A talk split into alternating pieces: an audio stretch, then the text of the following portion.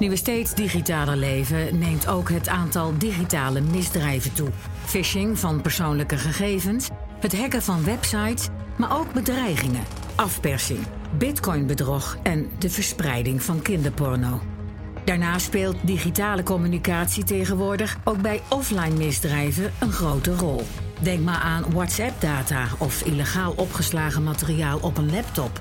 Dergelijke informatie kan allemaal van belang zijn voor het opsporen en uiteindelijk berechten van daders. We gaan op bezoek bij het Nederlands Forensisch Instituut in Den Haag. Hier werken experts van verschillende onderzoeksgebieden met de meest geavanceerde technieken om de kleinste sporen bloot te leggen. Met uiterste precisie gaan zij op zoek naar informatie die mogelijk leidt tot bewijslast in de rechtbank. Dit is de Stille Getuige.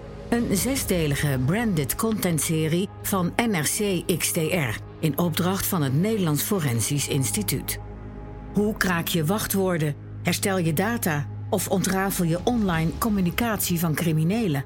Ik ben forensisch digitaal onderzoeker met een specialisatie onderzoek aan versleutelde gegevens, eigenlijk het kraken van wachtwoorden. We hebben een aantal groepen binnen, binnen forensische digitale technologie. Ik ga het van nu FTT noemen. En ehm, eh, dat zijn bijvoorbeeld de, de, uh, de uh, collega's van media, die doen harde schijven, tapes, exotische oude floppies. we hebben de mensen van hardware, die doen heel veel aan mobiele telefoons, maar ook navigatie en andere elektronica. En dan hebben we de groepen crypto en data-analyse. En die doen, werken eigenlijk veel op de gegevens afkomstig van die apparaten. Dus in mijn gebied, crypto, krijg ik vooral de veiliggestelde gegevens van die apparaten binnen. Dus de apparaten zelf zie ik in principe niet. Heel soms wel, maar in principe werk ik op de digitale gegevens. En dan uh, hangt het er vanaf wat het is. In, in mijn geval uh, gaat het om vercijferde, versleutelde, gecrypte informatie. Er zijn heel veel termen voor. Wij gebruiken vercijferd. Over het algemeen zijn vercijferde gegevens afgeschermd met een wachtwoord. En de opsporing, of het OM of de rechtbank, wil graag weten wat het wachtwoord is, want ze willen weten of het bewijs erin staat waar ze naar op zoek zijn. En dan gaan wij proberen met allerlei methoden en technieken bijvoorbeeld het wachtwoord achterhalen of het wachtwoord omzeilen. Uh, als, het, als het kan zelfs negeren, dat is ook nog wel eens mogelijk. En uh, ja, dan zoeken wij door tot wij het wachtwoord hebben of tot de tijd op is. De beveiligingsmethoden worden veranderen constant. Dus onze, wat wij noemen aanvallen en technieken om dat open te breken, moeten mee veranderen. Het is gelukkig ook zo dat de politie zelf al behoorlijk veel kennis heeft op dit gebied. En ook zelf heel veel dingen uh, zelf oplost. Waardoor wij uh, het niet te zien krijgen en niet binnenkrijgen. Pas als het echt uh, voor hun onmogelijk is en het is belangrijk genoeg, dan komt het bij ons op de lijst. je ziet wel een verschuiving, ik doe het nu ongeveer 20 jaar. Een verschuiving van de bestanden, zoals op een computer stonden, mm. naar de mobiele telefoons, die zonder dat men het weet volledig vercijferd zijn. Een, een iPhone, daar staat standaard versleuteling aan. En mensen gebruiken hem, eh, voeren een wachtwoord in of een pincode of een swipecode. En die hebben eigenlijk niet door dat alles daarachter afgeschermd is daarmee. Of een groot deel. Ik beperk me vooral tot het kraken, tot het achterhalen van wachtwoorden of het anderszins kraken van de, van de versleuteling. Ehm, uh, maar daarbij uh, komt er ook, ja, dan kom je eigenlijk op de vraag hoe doe je dat nou eigenlijk? Hè? Daar, daar ga je vanzelf naartoe. En we kunnen natuurlijk domweg gewoon alles proberen. Dat moet soms wel. Als we geen enkele andere kennis hebben voor de zaak, dan is dat eigenlijk de enige oplossing. Uh, als je over wachtwoorden hebt, dan zijn er uh, standaard uh, wachtwoordenboeken die wij hebben gemaakt en gebruiken. En die zelfs ook her en in het veld aanwezig zijn.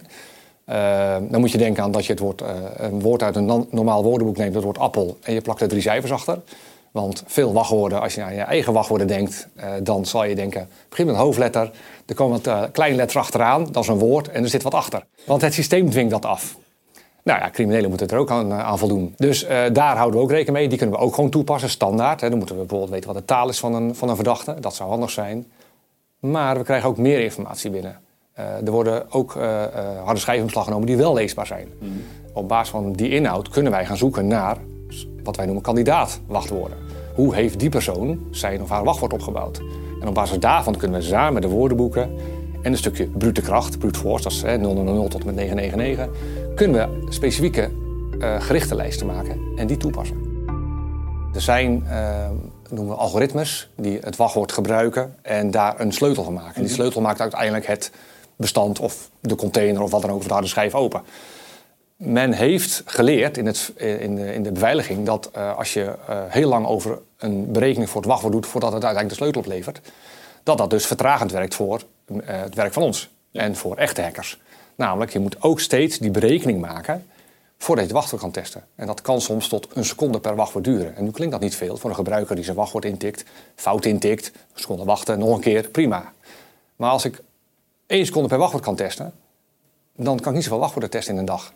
Als het moment dat we echt technisch bezig zijn, vergeten we waar het voor is, dan willen we die puzzel oplossen. Dan gaan we er volledig voor. Eh, als het nou harde schijfreparatie is, of een, of een bepaald bestand vinden, uh, uh, of, een, of, een, of een inderdaad onder water gelopen USB uh, helemaal schoonmaken, ja. tot er weer desnoods één bestandje van afkomt, dan kan precies het bestandje zijn wat, wat, wat er moet zijn. Maar als we technisch bezig zijn, vergeten we de zaak, wie het ook is. Je noemde net hardware. Jullie moeten ook wel eens dingen herstellen, volgens mij, of niet? Ja. Dat, dat, dat doe jij dan niet zelf, nee, begrijp nee, ik? Nee, want gebeurt hier wel? Ja, ik, uh, ik heb altijd de, de, afspraak hier... ik zit niet aan hardware, want dan gaat het stuk. Nee, daar hebben we echt de specialisten voor... die echt ook technisch echt zijn opgeleid. En uh, die bijvoorbeeld uh, ja, een harde schijf die op stuk is gemaakt... toch weer misschien wel kunnen repareren. Ik heb zelfs een, uh, misschien wel een anekdote over. Dat uh, op een gegeven moment was er uh, een politieinval en alleen de deur ging niet makkelijk open. Dus de verdachte had alle tijd om zijn apparatuur kapot te maken.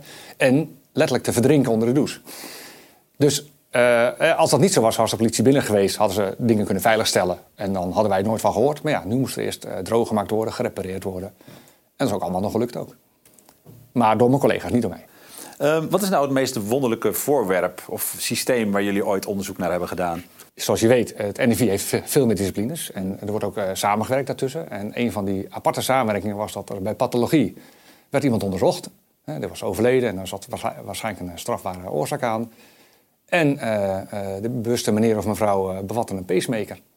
En die pacemaker, dat is een digitaal stukje onderwerp, dus die kwam naar de afdeling. En dan moet je wel nadenken, dat komt dus uit levend weefsel of net dood weefsel. Dus dat is dan toch wel even, even anders. Uh, wij hebben daar uh, uh, bepaalde procedures voor, waarbij het woord risico altijd aanwezig is. Of het bloed is, of ja, in zedenzaken heb je ook sperma. Of als het net van een, van een, van een lijk afkomt, ja, je weet het niet hoe, hoe en wat er overleden is. Dus het is wel handig om te weten. Even terug naar die in beslag genomen laptop of ja. smartphone. Um, dan ben je binnen. Ja. ja. als jullie ermee klaar zijn, dan gaan we er even vanuit, dan is het gelukt. Ja. Dus dan kun je bekijken wat erop staat. Dat zouden we kunnen doen, ja. Ja. Doen jullie dat dan zelf? Uh, nee, uh, we kijken wel uh, of het daadwerkelijk gelukt is. Als ik, een, ik, als ik een wachtwoord vind, dan is dat in een apart systeem los van het wat ik eigenlijk onderzoek. Mm -hmm. als, en ik moet dat wachtwoord wel zien te verifiëren op, op, op, sommige producten, zeker als het een nieuw product is. Dus dan verifieer ik dat en dan kijk ik even globaal wat ik zie, of ik bijvoorbeeld bestanden en mappen zie. Je moet wat controleren en als je dan bijvoorbeeld kijkt, staat er wat op de desktop en je ziet er een bestandnaam staan met een raar tekst, dan dan geef je dat wel aan. Er zijn, er zijn twee lijnen. Wat ik, wat ik al eerder zei, we zitten zo in de opsporing. En opsporing is geen bewijs. Wat, als iets stuk is, moet er eerst gemaakt worden wat je weet of er bewijs in zit. En andere groepen gaan interpreteren. En die zullen dan uh, aangeven met een bepaalde waarschijnlijkheid of een bepaald scenario klopt. Ja. En dat gaat echt richting het bewijs, waar uiteindelijk een rechter over moet oordelen. Het kan zijn dat er vervolgvragen komen. Um, en wat ik ook net uh, zei over meerlaags encryptie, dan geef ik wel aan, ik heb een lager af, dus dat is een soort van tussenrapport. Maar ja, um, uh, en dan is het in overleg van, uh, willen jullie dat ik verder ga? Vaak is het ja. Dan voel je hem al hangen, ja? Die ja, eigenlijk terug. wel. Ja. ja. als het kan. Als, als, de, als, de, als de rechtsgang al zegt, nee, de, de vracht moet voorkomen en als er niks is, is er niks. Kan ook. Dan bepaalt de rechter, stop met onderzoek. Ja, dan stoppen wij met onderzoek. Hoe lang duurt een onderzoek gemiddeld? Wat jullie wel kunnen afmaken? Dat, hangt ook, dat hangt er vanaf wat de aanvrager wil. Um, uh, wij, wij moeten ook een balans vinden in... wij kunnen niet onbeperkt alle zaken blijven doorgaan. Want dan, dan, dan kunnen wij eigenlijk nergens meer aan werken. Maar het heeft wel een balans in de belangrijkheid van de zaak. Wat het OM vindt of wat de, wat de rechter vindt, rechtelijke macht. Of wij nog door mogen gaan. En er zijn zaken die jaren kunnen duren. En er zijn ook zaken die binnen een week klaar moeten zijn. En dan is het, ja, je hebt hem wel of je hebt hem niet. En soms zijn wij ook gewoon uitgeput in onze onderzoeksmogelijkheden. En dan hebben we eigenlijk alles wel gedaan wat we zouden kunnen. Maar goed, je kan altijd meer. En dan zeggen we, joh, als je nou meer informatie in de toekomst krijgt, kan je opnieuw vragen, een aanvraag doen. En dan gaan we gewoon vanaf dat moment verder met die nieuwe informatie. Ik ben uh, digitaal forensisch onderzoeker bij het team data-analyse. En uh, dat team dat voert vooral uh, onderzoek uit op digitale gegevensdragers... waar een interpretatie aan verbonden zit van de aangetroffen digitale sporen. Wat we in principe doen is, uh, er zijn heel erg veel gegevens die zo'n computer of een, smartphone bijhoudt. En een, uh, een software developer, dus, uh, laten we zeggen, een, een Outlook, uh, is het heel fijn om te kunnen achterhalen wat er allemaal is gebeurd voor het geval dat die software iets geks gaat doen. En dat, dat is niet om ervoor te zorgen dat, dat deze gegevens in een rechtszaak gebruikt kunnen worden, maar dat is puur zodat er ook een debugging plaats kan vinden voor de software developer. Dus dat foutjes uit hun programma gehaald kunnen worden. Wij kunnen dat wel heel goed gebruiken om te achterhalen wat er nou precies op zo'n computer is gedaan. Wat we dan doen is wij lezen ons eerst eigenlijk in op de zaak. En het liefst krijgen wij zo min mogelijk contextinformatie. Het maakt mij niet heel veel uit waar de verdachte woont of hoe die heet. Het maakt me wel uit uh, wat de rechter graag zou willen weten om uh, een oordeel te kunnen vellen over de zaak die gevoerd wordt. En uh, daarbij gaan we ook regelmatig in samenwerking met de rechter bepalen of de vraag die hij heeft gesteld ook daadwerkelijk um, het onderzoek zal laten uitvoeren wat, wat van belang is voor de zaak. Stel uh, de verdachte die zegt ik ben gehackt, dan kan het zijn dat de rechter aan ons vraagt was de verdachte gehackt? Dat, daar, daar, doen we typisch geen uitspraak over. Wat we wel kunnen doen dan is een stel hypotheses opstellen die uh, een ene scenario en een ander scenario die elkaar uitsluiten uh, beschrijft. Dus nou, in het geval dat de verdachte zegt ik ben gehackt, uh, en dan krijgen wij de vraagstelling in de documentatie: is, is deze verdachte gehackt? Nou, dan nemen wij contact op met de rechter en zeggen we willen eigenlijk deze twee hypotheses toetsen. En die zou je kunnen formuleren als: nou, hypothese 1. Uh, de sporen van de herkomst van de te onderzoeken bestanden zijn veroorzaakt door de activiteiten van een computergebruiker. Of de hypothese 2 die getoetst kan worden is de sporen van de herkomst van de te onderzoeken bestanden zijn veroorzaakt door een programma buiten de controle van de computergebruiker. En dan kan je veel beter kijken naar digitale sporen en op activiteitsniveau wat er op zo'n ja, bewijsmiddel is gebeurd. Waarom is nou juist die tweede hypothese zo belangrijk? Dat komt eigenlijk omdat wij uh, bij het NFI echt onafhankelijk onderzoek doen. En uh, gek genoeg zou je wel eens denken in een, uh, in een bepaald geval van... Nou, iedereen heeft daar toch een oordeel over. Laten we zeggen in het geval van illegaal digitaal materiaal. Er staan gewoon vieze plaatjes op iemands computer. En, en daar hebben mensen een mening over. Uh, als je daar onderzoek naar moet gaan doen en moet gaan zoeken of diegene dat zelf heeft gedaan of niet... kan je heel snel je oordeel klaar hebben. Nou, die plaatjes die staan op de computer van de verdachte. Ik vind die plaatjes vies. Verdachte zal wel schuldig zijn. Aan de andere kant, die tweede hypothese, die zorgt ervoor dat je even een stapje terug doet en dat je gaat nadenken wat nou het andere geval zou kunnen zijn van die plaatjes. In, als een specifiek voorbeeld is, stel de verdachte heeft netjes verklaard wanneer die thuis was en toegang had tot de computer. Vrijdagochtend 9 uur en om 10 uur weer weggegaan richting werk. En ik zie dat het plaatje inderdaad geopend is van tussen 9 en 10.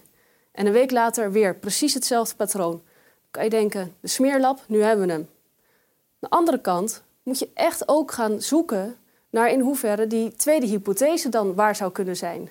Die eigenlijk dan in het voordeel van de verdachte zou spreken. En in dit geval uh, hebben we dan bijvoorbeeld eens een keer gekeken naar uh, of de systeemklok van die computer gemanipuleerd is. We zagen in dit specifieke geval dat die klok dan bijvoorbeeld zo, zo erg gemanipuleerd was uh, dat het precies overeenkwam met het alibi dat de verdachte had. Dus tussen 9 en 10 werden die plaatjes bekeken en daarbuiten niet.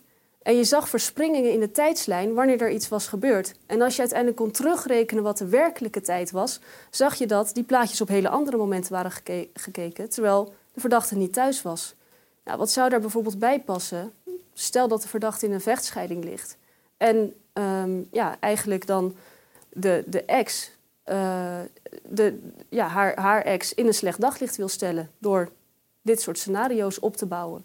En daarom is het zo van belang dat je ook naar de alternatieve hypothese kijkt. Want een verdachte is niet per definitie schuldig bij ons in Nederland. Data, data en nog eens data. Voor de forensisch digitale techneuten draait alles dus om de gegevens die we al dan niet bewust opslaan op onze devices. Maar hoeveel is dat eigenlijk? Laten we zeggen een gemiddelde Android-smartphone bijvoorbeeld. Zodra je die opstart, dan uh, wordt erbij gehouden hoe helder je scherm staat. En uh, of de Bluetooth automatisch aan moet of niet. En of je wifi meteen moet verbinden. En is er een bekend wifi, uh, ja, wifi access point, moet hij daar dan meteen mee verbinden? Zo ja, dan staat er natuurlijk ergens opgeslagen, want dat kan die, ja, die smartphone niet zelf verzinnen.